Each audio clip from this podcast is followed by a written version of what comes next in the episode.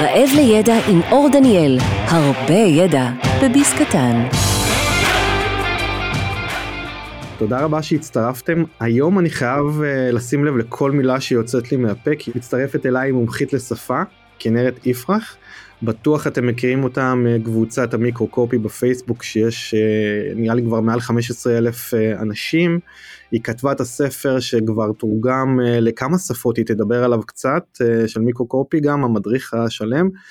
שזה מטורף, כן, ראיתי אפילו שיש תרגום לקוריאנית נראה לי ויפנית, כאילו אני לא יודע איך עושים את זה אפילו, זה נראה לי פסיכי. אנחנו נדבר על מה זה מיקרו-קופי, איך אפשר לשלב את זה בתוצרי למידה, מה זה אפיון שפה. ואני ממש ממש מתרגש ואולי אתם תזהו את הקול שלה בהתחלה מהפודקאסט של ביסמוט ויפרח כן הפודקאסט שייתן לך אומץ אז גם יש את זה ולכבוד הוא לי ואני שמח שהצטרפת לפרק הזה. תודה רבה אור, אני ממש ממש שמחה להיות כאן. אני גם מאוד מעריכה שאמרת את השם של הפודקאסט, הפודקאסט שייתן לך אומץ, כי זה באמת אנחנו מקפידות, הקפדנו על זה, ואני רואה שגם אתה אה, אמרת את זה נכון, אז ממש ממש תודה. אז לכבוד הוא לי, ואני הייתי רוצה שאת תציגי את עצמך לקהל שלא, שלא מכיר אותך, או שחלק כן מכירים באופן חלקי, אה, לתת תמונה מלאה. בטח, בכיף. אז, אה, אז באמת אה, שמי כנרת יפרח, אני כותבת מיקרו-קופי ומאפיינת שפה. אני יודעת שלמי שלא מכיר או מכירה את התחום זה נשמע קצת צינית, מה זה מיקרו-קופי, מה זה אפיון שפה.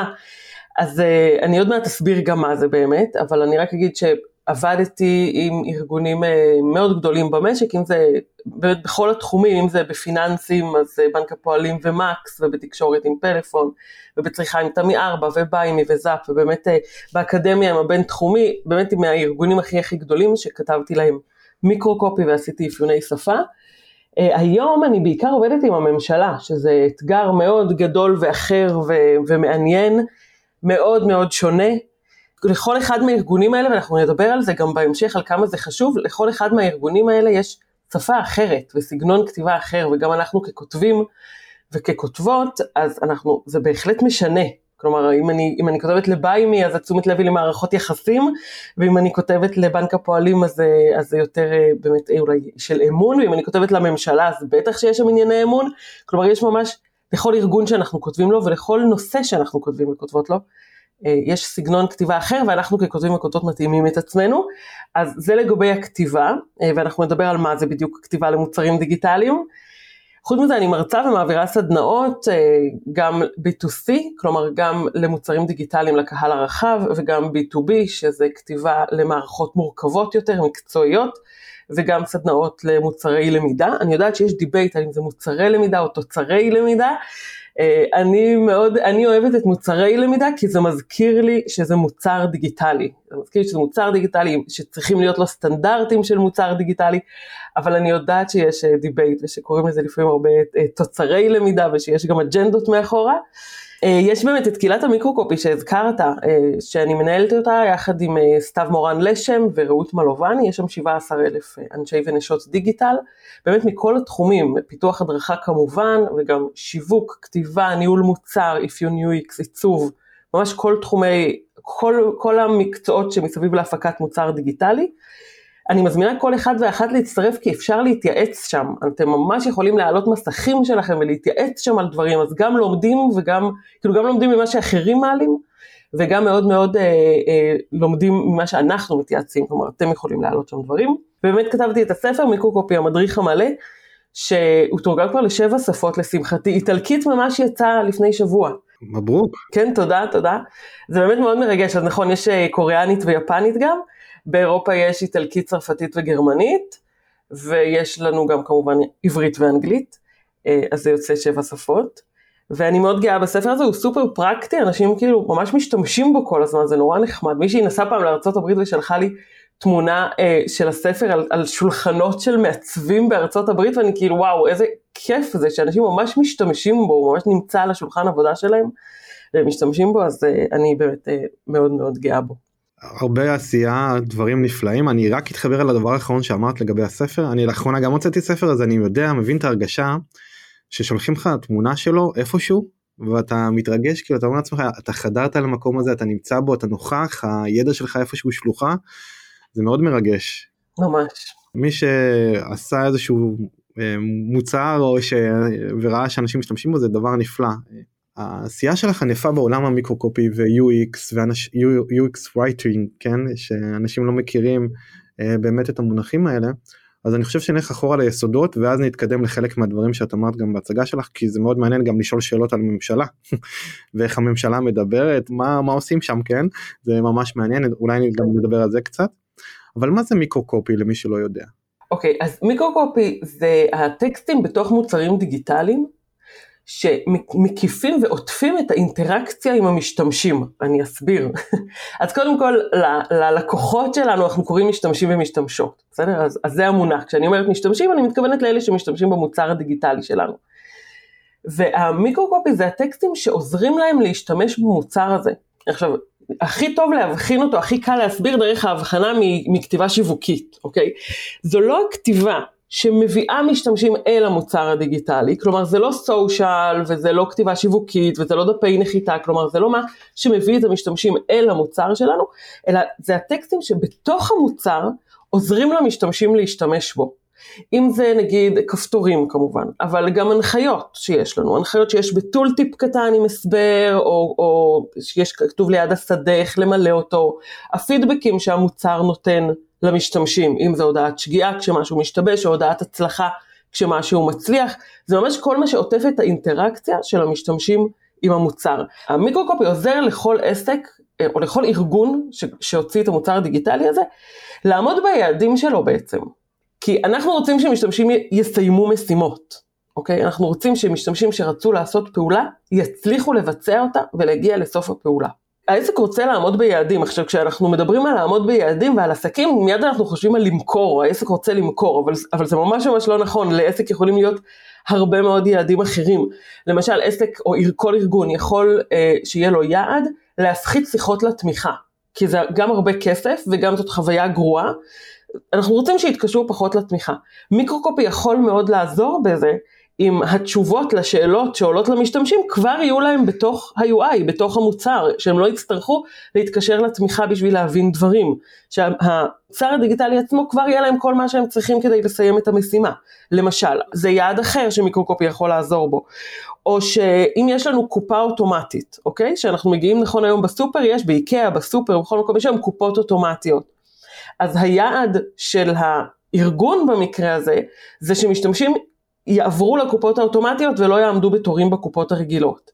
גם כאן, המטרה היא לא למכור, המיקרוקופי בקופות האוטומטיות יכול לעזור למשתמשים, דרך השיחה הזאת עם המוצר הדיגיטלי, המיקרוקופי יכול לעזור למשתמשים לעבוד מול קופה אוטומטית, ואז הם לא צריכים ללכת לקופה רגילה, כלומר יכולים להיות כל מיני יעדים שאם נכתוב מיקרו-קופי, שהוא שיחה טובה, מועילה, שעוזרת למשתמשים, שנכנסת לנעליים של המשתמשים וממש נותנת להם את כל התשובות שהם צריכים, אנחנו יכולים לעמוד בהרבה מאוד יעדים ארגוניים. אתה רוצה שאני אקשר את זה רגע לעולם הלמידה?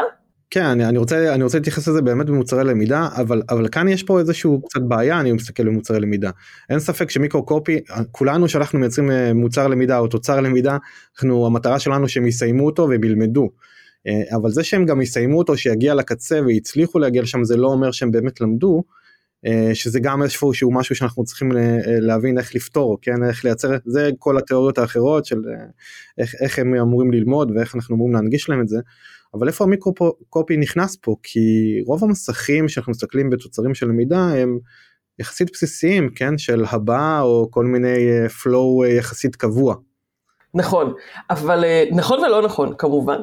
אז יש אה, כמה וכמה נקודות שבמוצרי למידה אה, דיגיטליים מיקרוקופי הוא מאוד מאוד מאוד חשוב.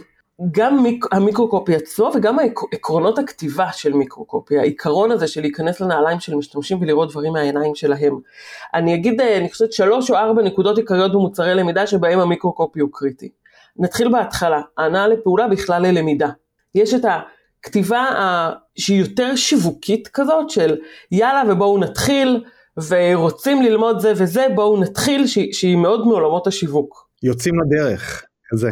או יוצאים לדרך, אוקיי, אז יוצאים לדרך יכול להיות הכפתור, אבל אם אני רוצה להניע בכלל ללמידה, ללחוץ על הכפתור יוצאים לדרך, כן, שגם באמת אתה צודק, יוצאים לדרך זה כבר כל כך אה, אה, בכל מקום ככה, אולי אנחנו רוצים לחשוב לכתוב שם משהו אחר, אולי משהו שגם יותר רלוונטי לתוכנה הספציפית, למוצר הספציפי, לתחום הידע הספציפי. אבל בהנאה לפעולה, אנחנו הרבה פעמים באמת הולכים לנוסחאות השיווקיות האלה, ולא חושבים באמת על המשתמשים של למה הם רוצים ללמוד או רוצות ללמוד את הדבר הספציפי הזה שאנחנו יודעים ללמד אותם או אותן. במה זה יקל עליהם בחיים. אני אתן דוגמה, לאחרונה העברתי את הסדנה הזאת במט"ח, והייתה שם דוגמה, הם כמובן כותבים למורים ולתלמידים, למורות ומורים ולתלמידים, והיה שם איזשהו מוצר למידה למורות שלימד, אני לא זוכרת מה בדיוק, אבל, ובאמת היה שם בהתחלה בואי ללמוד את הנושא. אבל שאלתי אותם, למה שמורה תרצה עכשיו ללמוד את זה ספציפית? מה זה יעזור לה בחיים?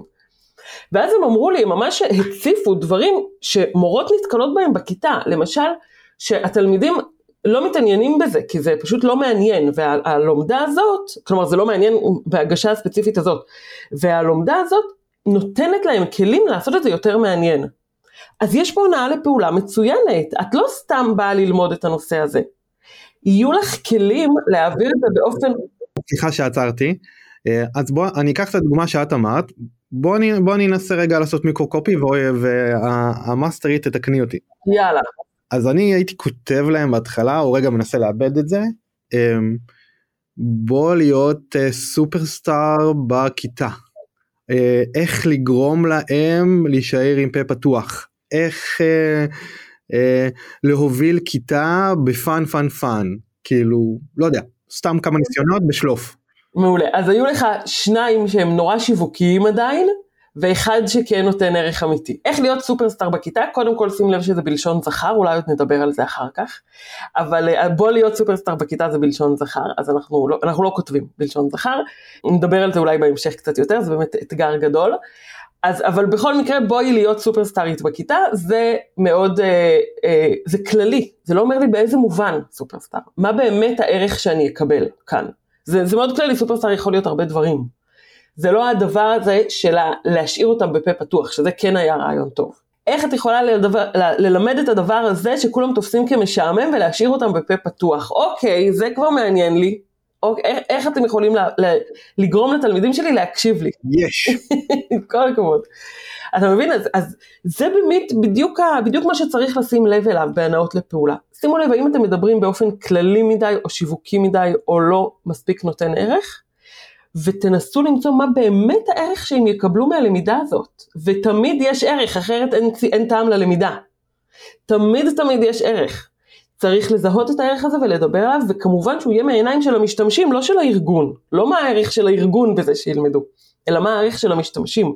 באמת, במה החיים שלהם יהיו טובים יותר, זה יכול להיות דברים קטנים, אבל צריך לזהות את הדבר הזה, ואותו להציף בתחילת הלמידה. שבאמת תהיה להם מוטיבציה אמיתית, כי הם יודעים שזה יועיל להם. אוקיי, אז זה לגבי הנעה לפעולה. רגע, מה את היית כותבת? קשה לשלוף, זה קשה לשלוף, אתה שלפת פה כמה אה, נורא מהר כי הם היו שיווקים, אבל אם אני רוצה לתת ערך קשה לשלוף. אני אגיד לך מה, אם אני רוצה לתת ערך, אני הייתי שואלת את אלה שכותבים את מוצר הלמידה, למה הם כותבים אותו. למה הם בחרו דווקא את המוצר הזה, מעולה. ולמה הם חושבים שהוא יעזור למורה, כלומר למה בכלל הם עשו את המוצר הזה, ומשם הייתי יוצאת. אני לא יכולה לשלוף בעצם, כי אין לי את המידע הזה של מה היה חשוב לכם? תשובה רלוונטית לכולם, שלאו דווקא לשלוף אלא לשבת ולחשוב על זה, להסתכל, כשאנחנו מייצרים כל מוצר למידה אנחנו כותבים מטרות ללמידה. אוקיי. Okay. אז להבין, להסתכל מה המטרות המשמעותיות יותר, למפות שם, ומשם לגזור לדעתי, לשבת וממש ולגזור את הדברים החשובים אה, שיגרו ולחבר את ההנאה לפעולה הזאת, וזו תשובה אותנטית, אמיתית ונכונה. זה נכון מאוד, אבל אני רוצה שתשים לב שהמטרות ללמידה, שיש הרבה פעמים מוצרי למידה, הן לא מהעיניים של המשתמשים, הן מהעיניים של הארגון. הרבה פעמים כותבים את המטרות ללמידה, אנחנו רוצים שבסוף המוצר הזה משתמשים ידעו א', ב', ג'. זה לא אומר לי מה הערך למשתמשים, וזה הבדל מאוד גדול. הערך למשתמשים יכול להיות משהו אחר, כמו שהכיתה תהיה יותר מתעניינת במה שאני עושה. אתה מבין? זה הבדל מאוד גדול. זה לא תמיד המטרות, ש, שאני פשוט ראיתי רשימות כאלה של מטרות למידה, ואפילו אחרי שאני קוראת את הרשימה, אני, אני חוזרת ושואלת אותם, אבל איך זה יעזור ללומד או ללומדת? לא מה הם ידעו, איך זה יעזור להם לדעת את זה. זאת שאלה קצת אחרת, ושזאת השאלה שבסוף מניעה לפעולה. אה, אני מסכים אני רק אגיד שאבל שיש מטרות בלמידה שכתובות טוב הן גם אמורות לפרט גם את זה. סבבה. אמ, הנעה לפעולה זה באמת הדבר אה, הראשון, באמת אני הולכת כרונולוגית לפי השימוש במוצר, אז הנעה לפעולה זה הדבר הראשון. אחר כך יש לנו את הכתיבה של השאלות עצמן, של ההנחיה, של הלמידה עצמה, לא רק שאלות, של כל הלמידה עצמה. אז אחת הטעויות הגדולות שעושים בכתיבה בכלל, ובמוצרי למידה בפרט, זה לנסות לכתוב בשפה נורא יפה ונורא גבוהה. אה, כל המילים האלה של על מנת, מהווה, ברצונך, ברשותך, כל מיני מילים נורא יפות כאלה. ובעיקר כשאנחנו כותבים במוצרי למידה, אז אנחנו אומרים, כאילו, אנחנו רוצים ללמד, אז אנחנו רוצים להשתמש בשפה הכי הכי יפה. וזו בעצם אה, טעות קודם כל כי זה לא באמת תמיד שפה יפה, הרבה פעמים זה דווקא טעויות בעברית, כל המילים היפות והגדולות האלה. אבל חוץ מזה, כשאנחנו רוצים שבמוצרים אה, דיגיטליים, שאנשים יתחברו אליהם ויפעלו איתם מהר ויזרמו איתם, אנחנו צריכים לכתוב בשפה שהיא מדוברת. עכשיו, שפה מדוברת זה לא אומר סלנג וזה לא אומר טעויות, שפה מדוברת זה אומר שפה מאוד מאוד פשוטה, שבמקום לכתוב על מנת, אני כותבת כדי, במקום לכתוב ברצונך, אני כותבת רוצה או רוצה, במקום לכתוב ברשותך, אני כותבת יש לך. ופשוט להחליף את המילים המאוד גבוהות במילים פשוטות שהן טובות, שהן נכונות בעברית, הכל נכון בעברית, בשום פנים ואופן לא לכתוב שגיאות או סלנג נמוך מדי, זו לא הכוונה, אבל כן לכתוב בשפה הרבה הרבה יותר פשוטה. ואז משפטים נורא ארוכים וגבוהים ומורכבים נהיים מאוד פשוטים ונגישים. אז, אז זאת באמת בכתיבה עצמה, לאורך כל הכתיבה. אמ, זה משהו שיש לי ביוטיוב הרצאה חינמית לגמרי על זה, שממש על איך לכתוב פשוט, אז אם מישהו רוצה או רוצה להעמיק בזה, זה ממש מראה מילים לפני ואחרי, משפטים לפני ואחרי, ואיך עושים את הכתיבה הפשוטה הזאת, אז, אז ממש מוזמנים ומוזמנות לראות שם, מלא דוגמאות. עוד משהו שמאוד חשוב במוצרי למידה זה הפידבק. אה, פידבק שנותנים למשתמשים. אז במוצרים רגילים יש לנו הודעות שגיאה והודעות הצלחה. במוצרי למידה זה בעצם הנכון ולא נכון, אחרי שמשתמשים עונים או, או מבצעים משימות. והנכון ולא נכון הזה הרבה פעמים אני רואה פשוט דברים כמו שגיאה, לא נכון, תשובה שגויה, כל מיני כאלה. ואני אומרת, זה לא משרת לנו לא את שיהיה למשתמשים נעים ולא את שיהיה למשתמשים קל. כשאנחנו נותנים להם כזה פידבק, כזה פידבק אה, מוריד, אז בעצם אנחנו גם מייאשים אותם, כלומר, יש להם פחות מוטיבציה להמשיך, וגם החוויה מול המוצר, החיבור למוצר, החוויה מול המוצר, היא פשוט חוויה לא טובה. כלומר, שגם לא נעים להם והם גם לא יסיימו את המשימה. לא טוב לנו. לא טוב לנו פידבקים כאלה. אנחנו רוצים פידבקים שנעים לשמוע גם כשהם לא נכונים. זה אומר לעדן את התשובות שלנו. זה אומר לכתוב לא בדיוק, כמעט, עוד ניסיון, כל מיני דברים כאלה שמעדנים את התשובות שלנו, ויותר חשוב מזה, אומרים איך להמשיך, אומרים מה כן. אם יש עוד ניסיון לתשובה, אז אנחנו אומרים להם איך לחשוב על זה. ממש לתת איזושהי הנחיה שאומרת להם איך לחשוב מחדש על השאלה כדי כן להגיע לתשובה הנכונה. אם אין עוד ניסיון, אז כמובן להסביר להם מה הייתה התשובה הנכונה, ולמה זו הייתה התשובה הנכונה. כלומר, למה התשובה שלהם לא נכונה. כלומר, זה ממש לעטוף את הנכון ולא נכון שלנו במשהו שהוא הרבה יותר מלמד, מקדם, נעים לשמוע, נעים ללמוד איתו, ולא להשאיר את זה נורא נורא טכני. אני חושבת שכתיבה טכנית זה משהו שהוא באמת אה, קורה הרבה ואנחנו מאוד רוצים להימנע ממנו בעיקר במוצרי למידה, שאנחנו רוצים שהלמידה תהיה מהנה מאוד. מעולה. אני, אני רק אתייחס לזה גם מההיבט ה... יש המון uh, מחקרים אקדמיים על פידבק בלמידה והחשיבות שלו. אני אשים גם קישור יש איזשהו אה, פוסט מעולה על פידבק בלמידה שיכול לתת לכם אה, המון המון דוגמאות גם על איך לעשות את זה נכון. ואת אמרת את כל העקרונות הכי נכונים שהמחקרים אומרים דרך אגב. לרוב אם בן אדם צדק אנחנו רוצים לחזק את המוטיבציה שלו ללמוד אז אנחנו נגיד לו כל הכבוד ועשית עבודה נפלאה או כל מיני דברים של לחזק לו את הרצון שלו להמשיך ללמוד. ואם הוא טעה אנחנו צריכים להסביר לו גם שהיית ממש קרוב או שכמעט הצלחת או, או, או להגביר תמיד את תחושת המסוגלות למון חוסר למרות חוסר ההצלחה ולהסביר לו אבל למה טעית. איפה הטעות שלך הייתה, איך זה אולי התפספס ומהי התשובה הנכונה. הרבה פעמים אני גם ראיתי שלא מסבירים למה בן אדם טעה. עכשיו זה לא משרת את מטרות הלמידה כי אם אנחנו לא מסבירים לו למה הוא טעה הוא לא יודע אז מה הדבר הנכון הוא לא יודע לפעמים גם דרך אגב גם בשעת שהוא בוחר את התשובה הנכונה מה קורה לנו בתוצרים יש uh, שאלות אמריקאיות כן הרבה פעמים אפשרויות תבחר מהאופציה הזו. ומה קורה? לפעמים אנשים בוחרים את התשובה ולאו דווקא הם בטוחים למה היא נכונה. אז גם אם התשובה נכונה נגיד אני מאוד ממליץ תמיד לשים הסבר למה התשובה נכונה. כלומר אתה נפלא מקסים גיבור או על הצלת אותנו וזאת התשובה הנכונה כי באמת ההיגיון פה אומר כך וכך וכך וכך. אה, אז אני גם חושב שזה סופר רלוונטי. גם תחשבו לנו בתור בני אדם אנחנו חייבים איזושהי תגובה מהסביבה שלנו ובתוצרים דיגיטליים זהו זה זה הדבר היחיד שאנחנו מקבלים ממנו איזושהי התייחסות אז חייב להיות כמעט לכל לחיצה שלי או כל פעולה איזושהי משמעות שנותנת לי פידבק עדיף שיגביר את תחושת המסוגלות שלי ואת המוטיבציה ללמוד. אה, אז אני אשים גם קישור לזה וגם כמובן כל מה שקרנט אמרה גם להרצאה שלה אני אשים קישור אה, בפרטים של הפרק. אז אמרנו שגם פידבק מה עוד אנחנו חייבים לדעת במוצרי למידה. אוקיי, okay, אז אני, אני רק רוצה להגיד שנייה משהו טיפה טכני על עניין הפידבק, שהרבה פעמים הסיבה שלא עושים פידבק כזה, זה עניין של פיתוח, של אי אפשר להעלות הודעת שגיאה או הודעת הצלחה שונה לש, לתשובות שונות. כלומר, יש להם הודעת שגיאה אחת, שהיא עולה לכל התשובות בזה, ואז אי אפשר בעצם להסביר למה לא.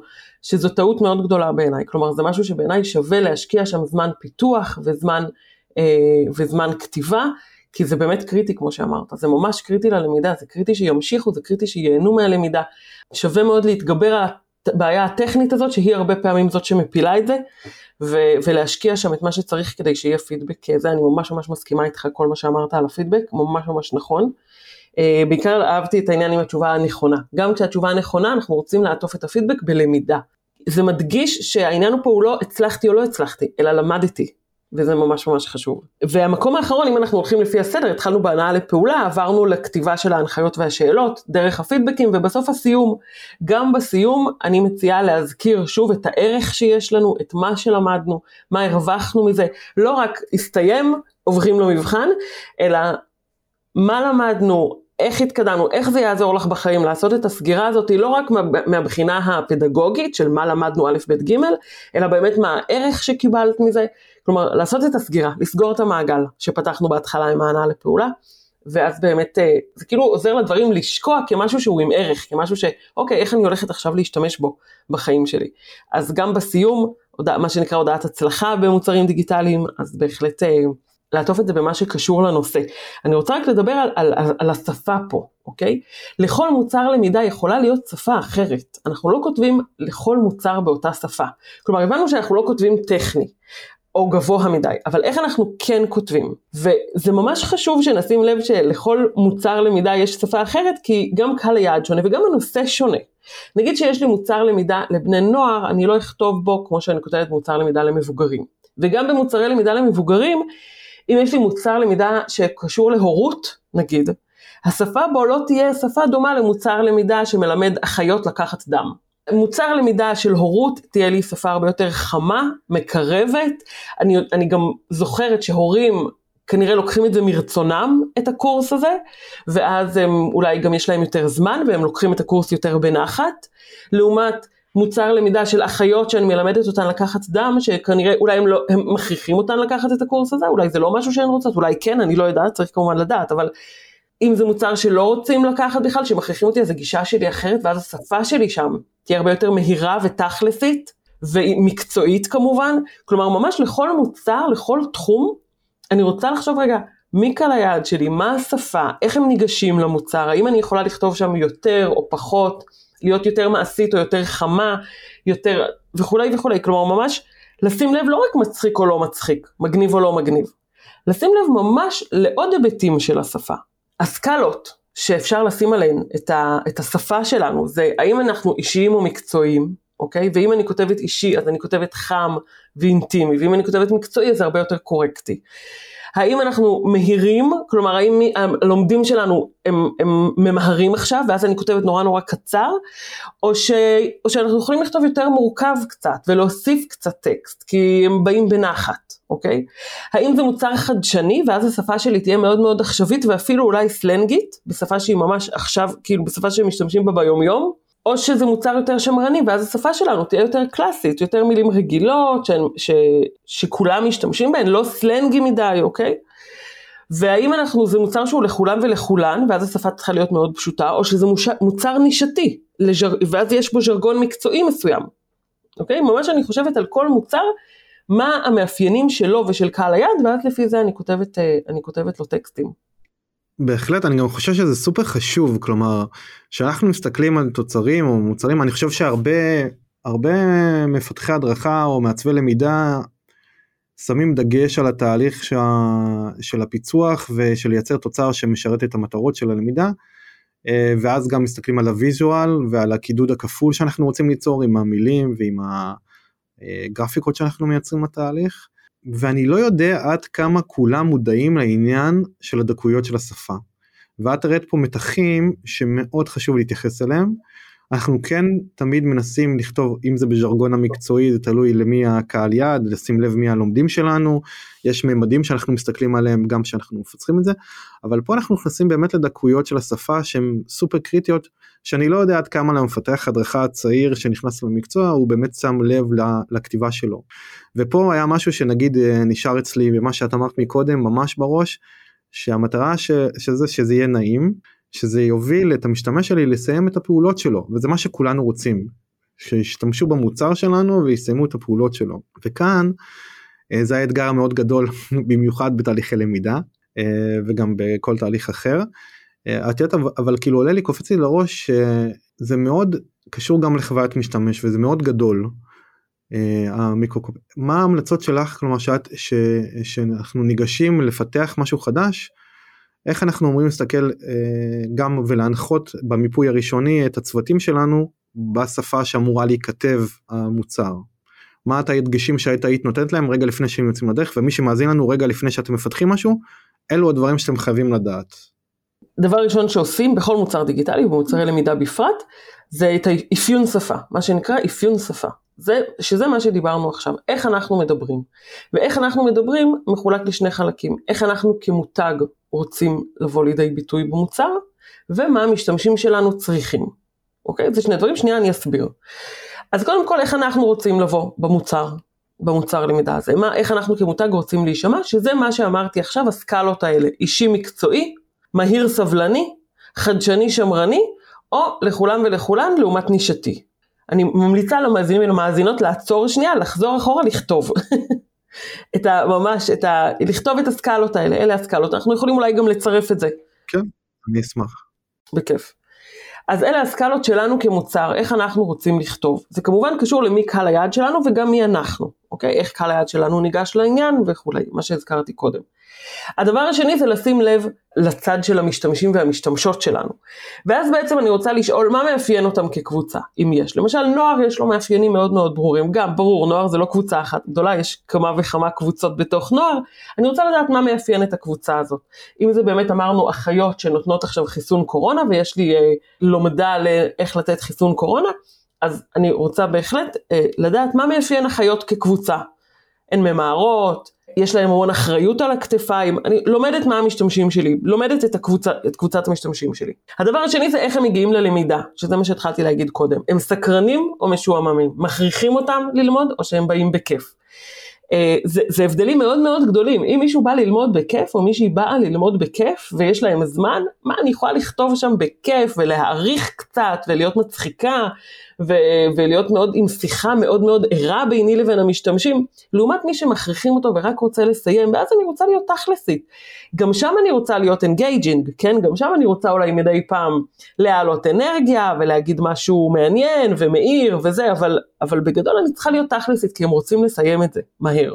לשים לב אם הם עושים את זה בזמן שמיועד ללמידה, או שהם עושים את זה בזמן שאמור להיות, בדבר, ש, כאילו שהם רוצים לעשות דברים אחרים. האם יש להם זמן שמוקדש ללמידה, אמרו להם יש לכם עכשיו שעה ללמוד, ואז הם, הם ברוגע יחסית, או שהם איפשהו אמורים להכניס את זה ביום עבודה שלהם, וביום עבודה שלהם אין להם זמן לכלום, ואז זה כאילו באמת הדבר האחרון שבא להם לעשות, אבל הם יעשו את זה. אז, אז זה באמת הדברים שצריך לדעת על המשתמשים, וה, והדבר האחרון על משתמשים, זה באיזה שפה הם משתמשים. זה ממש ממש חשוב, בעיקר אם אנחנו עובדים בארגונים, אבל לא רק, גם עם נוער וגם עם מורים ומורות וגם עם הורים והורות, עם כולם. אני רוצה לדעת באיזה שפה הם משתמשים, מה המילים שהם משתמשים בהם, ואלה המילים שגם אני אשתמש בהם בשפה שלי. בתוך המוצר.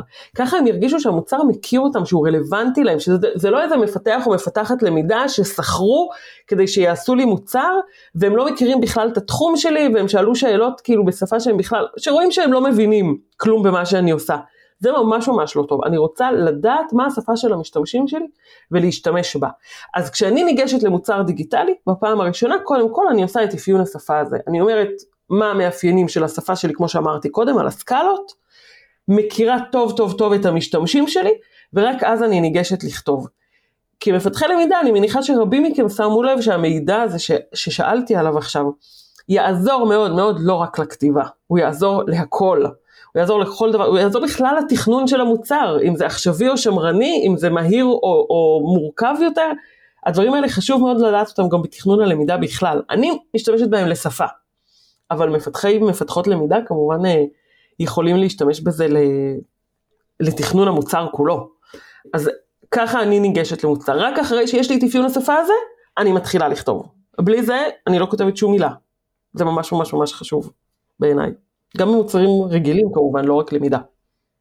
אני חושב שזה כלי מעולה דווקא לכל דבר אפילו, אפילו גם לאפיון שפה של עצמי. איך אני רוצה להציג מידע שלי בכל מקום אפשרי, גם, זה גם אני חושב שזה סופר רלוונטי וכלי שאפשר להשתמש בו כמעט להכל. אני חושב שזה כלי לחיים באופן כללי, מה שאמרת. ממש ממש נכון. ותוך כדי שאמרת את כל הדברים האלה אני אמרתי לעצמי קודם כל זה סופר חשוב שאנשים ישמעו את זה וידעו איך לאפיין וליישם את זה בשטח אצלם. אמ, ובא לי, לי לקפוץ דווקא למשהו שהוא הכי נפוץ שאני מתמודד איתו גם כמעט כל יום. כתיבה מגדרית. וראיתי אני יודע שיש פונט עבריתה שאפשר ליישם אותו באתרים וזה שואל אנשים באיזה מגדר אתה תרצה שיפנו אליך. ואני יודע שיש כל מיני שיטות עם לוחסן עם אה, נקודה מחוברים מחוברות כן? עם כל מיני אפשרויות ברבים.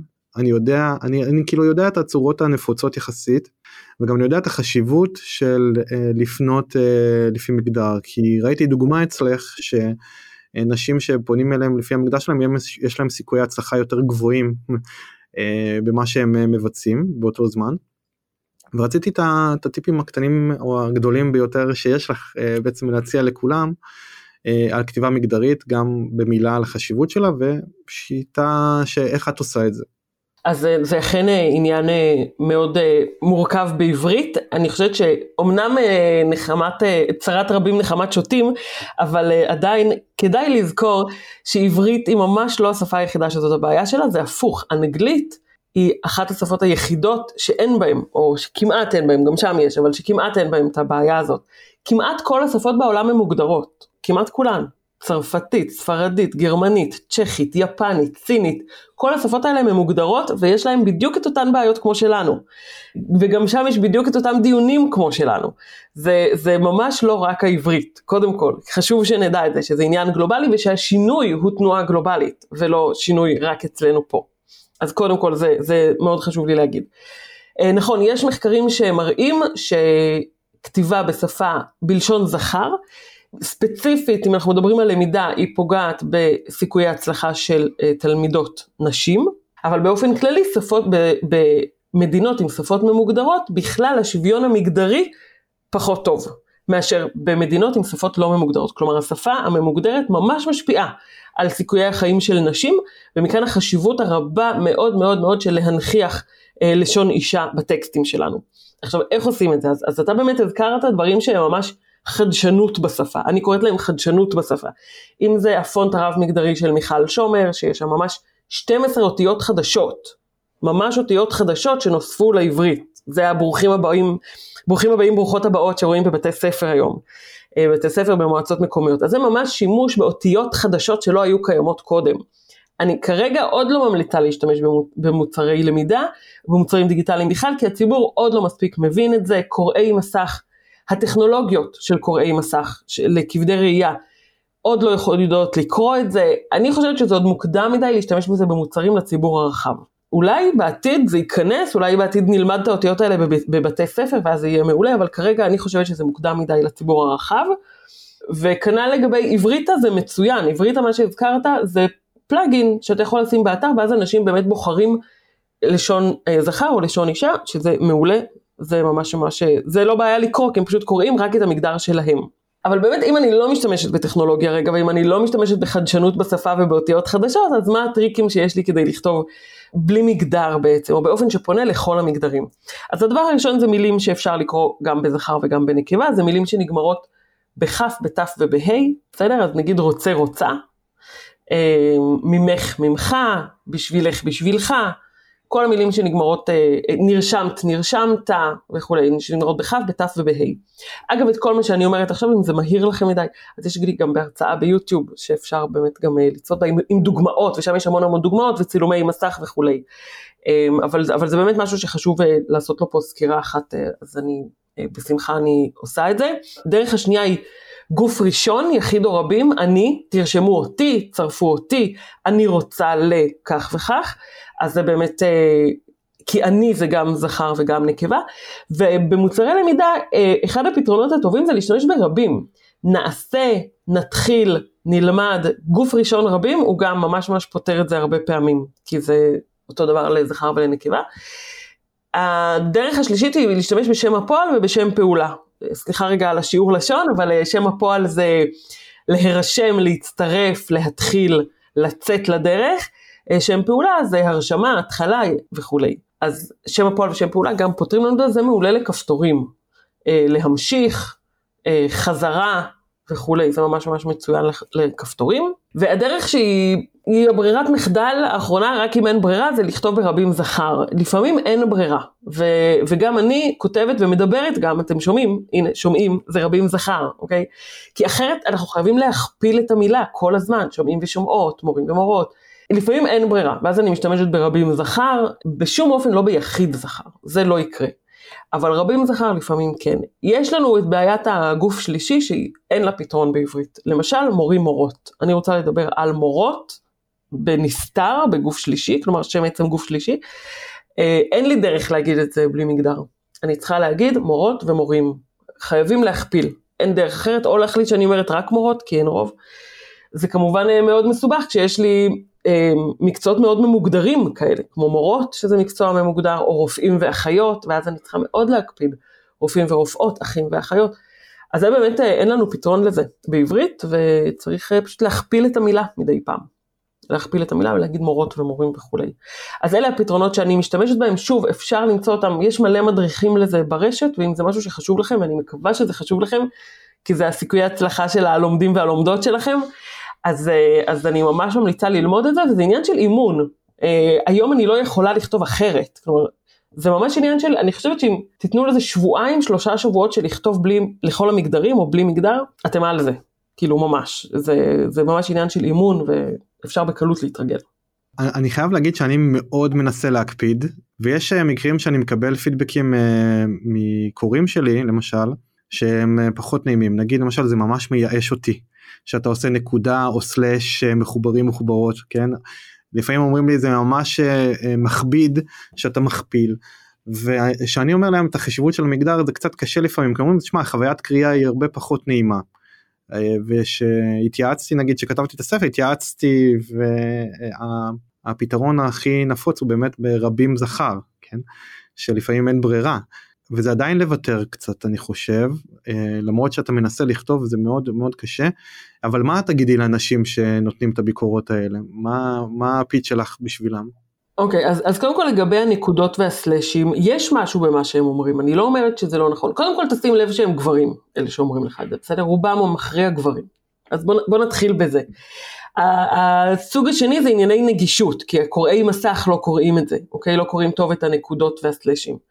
אה, אגב, גם סלאשים הם לא קוראים טוב. הנקודות אה, לא, גם סלאשים קוראים מסך לא יודעים לקרוא, וסלאשים זה איתנו כבר שנים ארוכות, אה, זה לא חדש. אז אלה בערך הקבוצות, ואני חייבת להגיד שיש משהו במה שהם אומרים, לא קל לקרוא את זה עם נקודה באמצע מילה, ואני לא כותבת בנקודות, אני כותבת בנקודות רק כשקהל היעד שלי, אני יודעת שגם הוא קורא ומכיר את זה ככה. נגיד בקהילת המיקרוקופי אני כן יכולה לכתוב נגיד פוסטים נקודות, גם לא הכל יהיה נקודות, אני, אני מבינה את העניין, זה באמת מכביד. אני משתדלת לא להשתמש בטכניקות האלה, אני משתדלת להשתמש בטכניקות שאמרתי לך פה עכשיו, של להשתמש במילים שנגמרות בכף ובתף, בגוף ראשון, בשם פעולה ושם פועל, וברבים זכר כי ממש ממש אין ברירה, אני משתמשת בנקודות רק אם באמת גם קהל היעד שלי זה מתאים לו, וגם אני חושבת שזה דרך הכי טובה עכשיו להגיד את המשפט הזה, אבל אני באמת לא משתמשת בזה הרבה. אני חושבת אבל שללכת ישר ללשון רבים, אז אני לא מדברת רגע על ספר, ספר זה משהו אחר, כי זה הרבה מאוד טקסט, אפשר לדבר בנפרד על ספר אם אתה רוצה.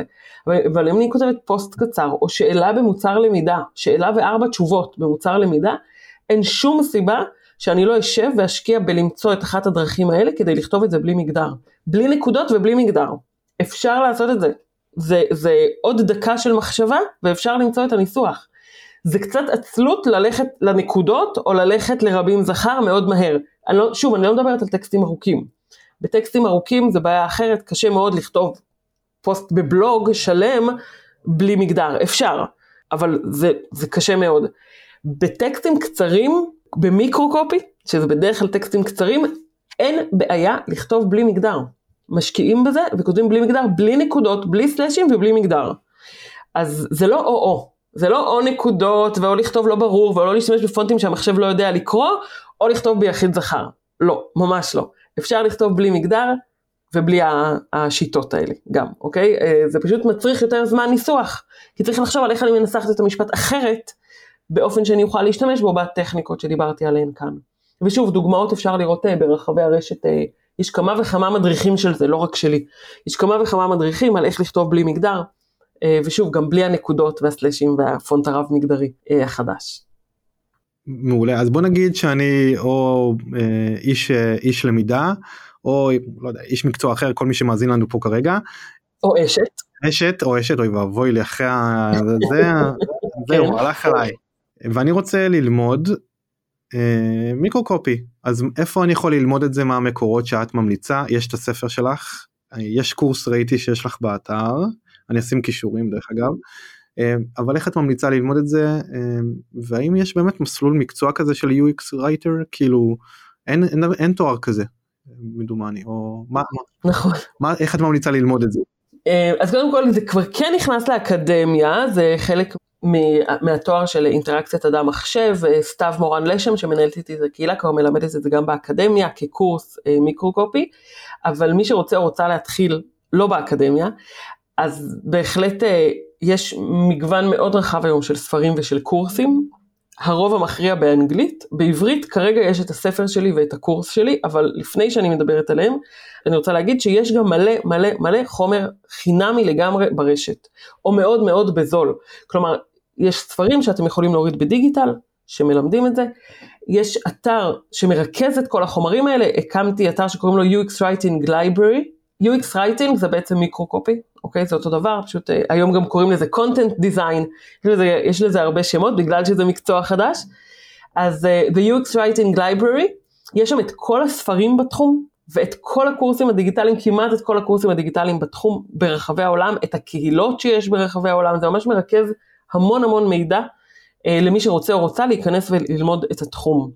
חוץ מזה יש לי קורס חינמי לגמרי על איך נהיים כותבי מיקרו-קופי, אה, שאנחנו יכולים לצרף גם אליו לינק.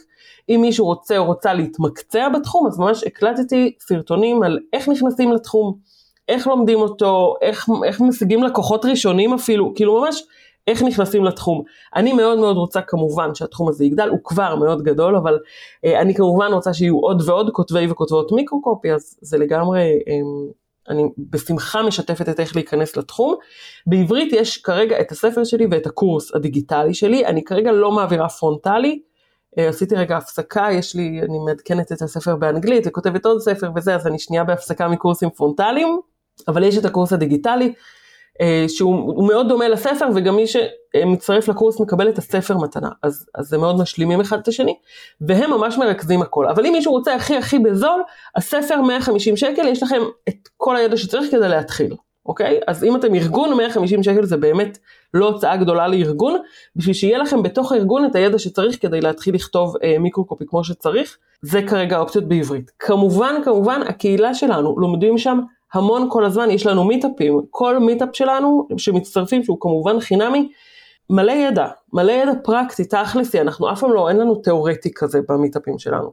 הכל פרקטי, הרצאות שממש מלמדות איך ארגונים עושים את זה בפועל, טכניקות, כלים, ממש מאוד מאוד פרקטי. אז הקבוצה, המיטאפים שלנו, אה, איפה עוד אפשר לעקוב? זהו, אני חושבת, יש פודקאסטים, הם גם מרוכזים באתר שדיברתי עליו קודם, יש פודקאסטים על אה, כתיבת אה, מיקרו-קופי, לא בעברית עדיין לצערי. מאוד מזמינה את מי שרוצה או רוצה לכתוב, להתחיל פודקאסט על מיקרו-קופי בעברית. אני אשמח לעזור בזה. אמ, זהו, אני חושבת, אלה הדרכים ללמוד היום. אין תעודה, אבל פשוט מתחילים. כלומר, לומדים את זה, מקבלים לקוחות ראשונים, בונים תיק עבודות ומתחילים. מעולה אני אשים גם אני אאסוף את כל הכישורים האלה נשים אותם בפרטים של הפרק. איך כותבים כאילו איך אפשר לאפיין כתיבה לממשלה כי יש כל כך הרבה אגפים כל כך הרבה קהלי יעד מה עושים שם איך. אוקיי okay. אז קודם כל זה באמת האתגר הכי גדול שהיה אה, איך לכתוב, איך לכתוב אפיון שפה שיתאים גם למשרד הבריאות וגם למשרד המשפטים, גם לרשות ההגירה והאוכלוסין וגם באמת אה, למגוון כל כך רחב של, אה, של סוגים של תקשורת עם האזרחים והאזרחיות. והדרך שעשינו את זה, זה קודם כל, זה היה ביוזמת ישראל דיגיטלית, שזה ארגון מדהים, ראיתי שהיה לך גם ראיון עם קמפוס אייל.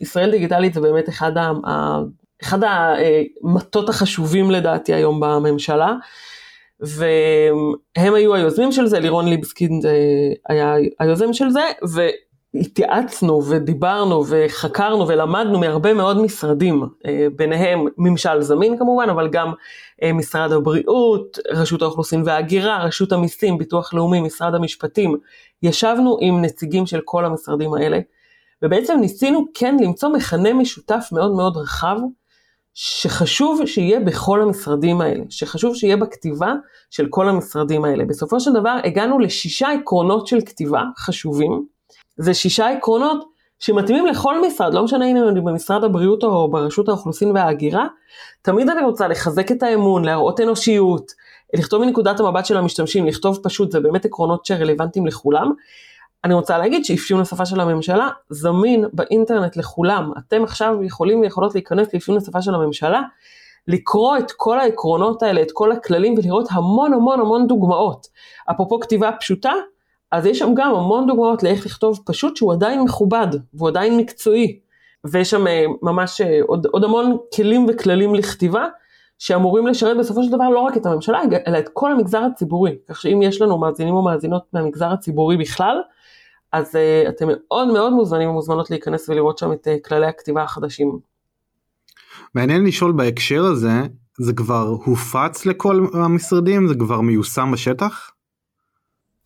זה מיושם, מי, מי שמתעניין או מתעניינת, כן, זה כבר עבר לכל הנציגי דיגיטל בכל המשרדים, אבל אתה יודע, זה, זה לא פשוט להעביר את זה באמת לכולם ולכולן, אז טוב שתפיצו את זה אם שמעתם ואם זה רלוונטי, אז תפיצו בעצמכם. אנחנו כן עובדים עכשיו על קורס דיגיטלי ללמד את אפיון השפה, כלומר יהיה גם קורס דיגיטלי שעוזר ללמוד את אפיון השפה, ובעצם עוזר ללמוד אותו דרך הדרכה, וזה יהיה גם זמין בקמפוס אייל ויהיה זמין לכולם דרך קמפוס אייל, אז, אה, אז זה גם יהיה כלי להפיץ את זה. אני מקווה שככה באמת נוכל להגיע לכמה שיותר כותבים וחוצות במגזר הציבורי, כי אין שירות יותר טוב מזה לאזרחים ולאזרחיות מאשר שהמוצרים הדיגיטליים והתקשורת הדיגיטלית עם הממשלה תהיה פשוטה, תהיה קלה, תהיה נעימה. זה ממש, אה, כל מה שאנחנו עושים היום מול הממשלה כמעט הוא בדיגיטל, אז, אז שתהיה חוויה טובה ויעילה. מעולה, תודה על ה-case study. נפלא, נשים קישור גם לזה בפרטים של הפרק, ולכו ותראו, תוכלו להשתמש בזה גם בארגונים שלכם. אני רוצה לקפוץ רגע לשאלה שאני אוהב לשאול אה, בכל פרק, איך את לומדת משהו חדש? זה כמובן תלוי מה העומק שבו אני רוצה ללמוד את הדברים. העומק הכי רדוד נגיד זה פודקאסטים, אני פשוט שומעת מלא מלא מלא פודקאסטים, אני חושבת שחלק ניכר מהידע שלי הוא, הוא מפודקאסטים, זה בדרך כלל הדברים היותר אה, פרקטיים של החיים, יותר תועלתניים ופרקטיים של החיים. אז זה באמת הדרך הכי, אה, העומק הכי רדוד, של לקלוט משהו, להבין משהו, ליישם, אחלה. חוץ מזה, אה, אני לוקחת קורסים דיגיטליים, ולא מעט. אני ממש, אני רוצה ללמוד משהו, אני נרשמת לקורס דיגיטלי, אני עושה אותו. אה, אתה יודע, לא תמיד אני מסיים את הכל, לפעמים אתה יודע, אחרי שלושה ארבעה שיעורים קיבלתי את מה שרציתי מהקורס, אני עוברת הלאה. צריך לזכור, אם יש לך קורס דיגיטלי, לא להתבאס אם אנשים לא מסיימים אותו, לפעמים הם קיבלו את מה שהם רצו בשיעורים הראשונים וזה הספיק להם. ויש את העומק הכי עמוק, אני היום, אני לומדת אה, לתואר שני באוניברסיטה ואני אוהב, אוהבת, אני עדיין בענייני אקדמיה, אני יודעת שיש לה הרבה כבר אה, הרבה, יש הרבה ביקורת על האקדמיה, אבל אני עדיין מוצאת אותה כמקור ידע מאוד מעמיק, מהימן, שגורם לי לחשוב בכיוונים שאם אני שומעת פודקאסטים או, או שומעת או קורסים דיגיטליים, אתה יודע, זה תמיד נורא פרקטי, נורא חד-כיווני כזה, ובאקדמיה יש משהו מאוד מאוד פותח. אז אני לומדת היום תואר שני במינהל ציבורי, כי אני בכלל בכיוון גם לפוליטיקה, ואני מתה על זה, אני כל כך אוהבת ללכת לאוניברסיטה, כל כך, אני אוהבת את השיעורים, אני אוהבת ללמוד את זה, זה למידה כל כך אחרת מהלמידה דרך קורסים דיגיטליים ופודקאסטים, ואני אוהבת את כל הסוגים האלה, ואת כל רמות העמקה, וממש, אה, אני, אני מאוד אוהבת ללמוד בכל דרך. זהו, אלה שלוש הדרכים העיקריות שלי, אני חושבת. זה סופר מעניין ההסתכלות שלך על האקדמיה היא דווקא הביקורת עליה תמיד שאומרים היא לא יישומית ורוצים שהיא תהיה יותר יישומית את אומרת היא נותנת לך דווקא פותחת חשיבה לגמרי. וגם אתם שמעתם את זה פה פעם ראשונה אה, כנרת בדרך לפוליטיקה אז רגע מה היעד הבא. אז קודם כל זה לא פעם ראשונה רצתי לפריימריז של העבודה. אה, כשהיה עכשיו, אוקיי, כן, גילוי. כן, אז אני מקום 29 במפלגת העבודה.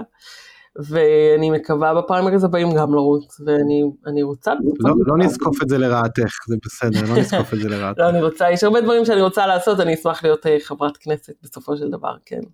בהצלחה, אני אשמח גם שתהיי חברת כנסת, אני חושב שזה יהיה באמת משהו. תודה רבה, ייי. מעולה, אני אשמח מאוד. אז אני ממליץ באמת לכל המאזינים והמאזינות שלנו אה, שהקשיבו לפרק הזה לחזור אחורה ולשמוע אותו שוב כי היה המון המון המון המון מידע חשוב יש גם המון כישורים רלוונטיים ששווה לכם לצפות בסרטונים של כנרת.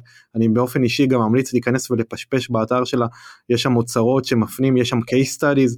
אה, ראיתי אה, נראה לי שמותר להגיד אז אני אגיד. ראיתי את ה... קראתי את ה-case study של שטראוס מים שהוא סופר מעניין לראות את הניתוח שפה את האפיון שפה שיש שם. אה, ושווה ממש לראות בפועל איך לעשות את זה. יש דוגמאות באתר וזה מעולה. יש את הספר, יש את הקורס ויש עוד המון אה, דרכים אחרות שאפשר אה, לראות ואני אצרף את הכישורים. וכנרת היה לכבוד הוא לי והיה לי אה, נפלא ללמוד ממך ותודה רבה לך. תודה רבה רבה, תמיד כיף לי לחזור לבייסיקס אני חייבת להגיד, להיזכר שנייה במסגרת הכללית וביסודות, אה, זה ממש ממש כיף, אז תודה על ההזדמנות הזאת. שוב תודה לך ואין ספק שזה היסודות אתם קיבלתם פה מנה גדושה של יסודות ששווה ללכת ולחקור עוד ולראות איך אה, ומה מתאים לכם ליישם במוצרים שלכם ושלכן. ממש ככה. אז תודה כנרת ותודה למאזינים ומאזינות ונתראה בפרק הבא. רעב לידע, פודקאסט בו אור דניאל מביא נגיסי ידע בעולמות הלמידה, הטכנולוגיה והיזמות. לומדים מארכיטקט למידה שעשה קריירה מללמוד. הצטרפו לחוויה שלא רק תעשיר את חייכם, אלא גם תיתן לכם את הידע, כלים, כישורים ומיומנויות להצלחה. מי שלומד, גם נהנה וגם מצליח. תוכן מבית לרנטק.co.il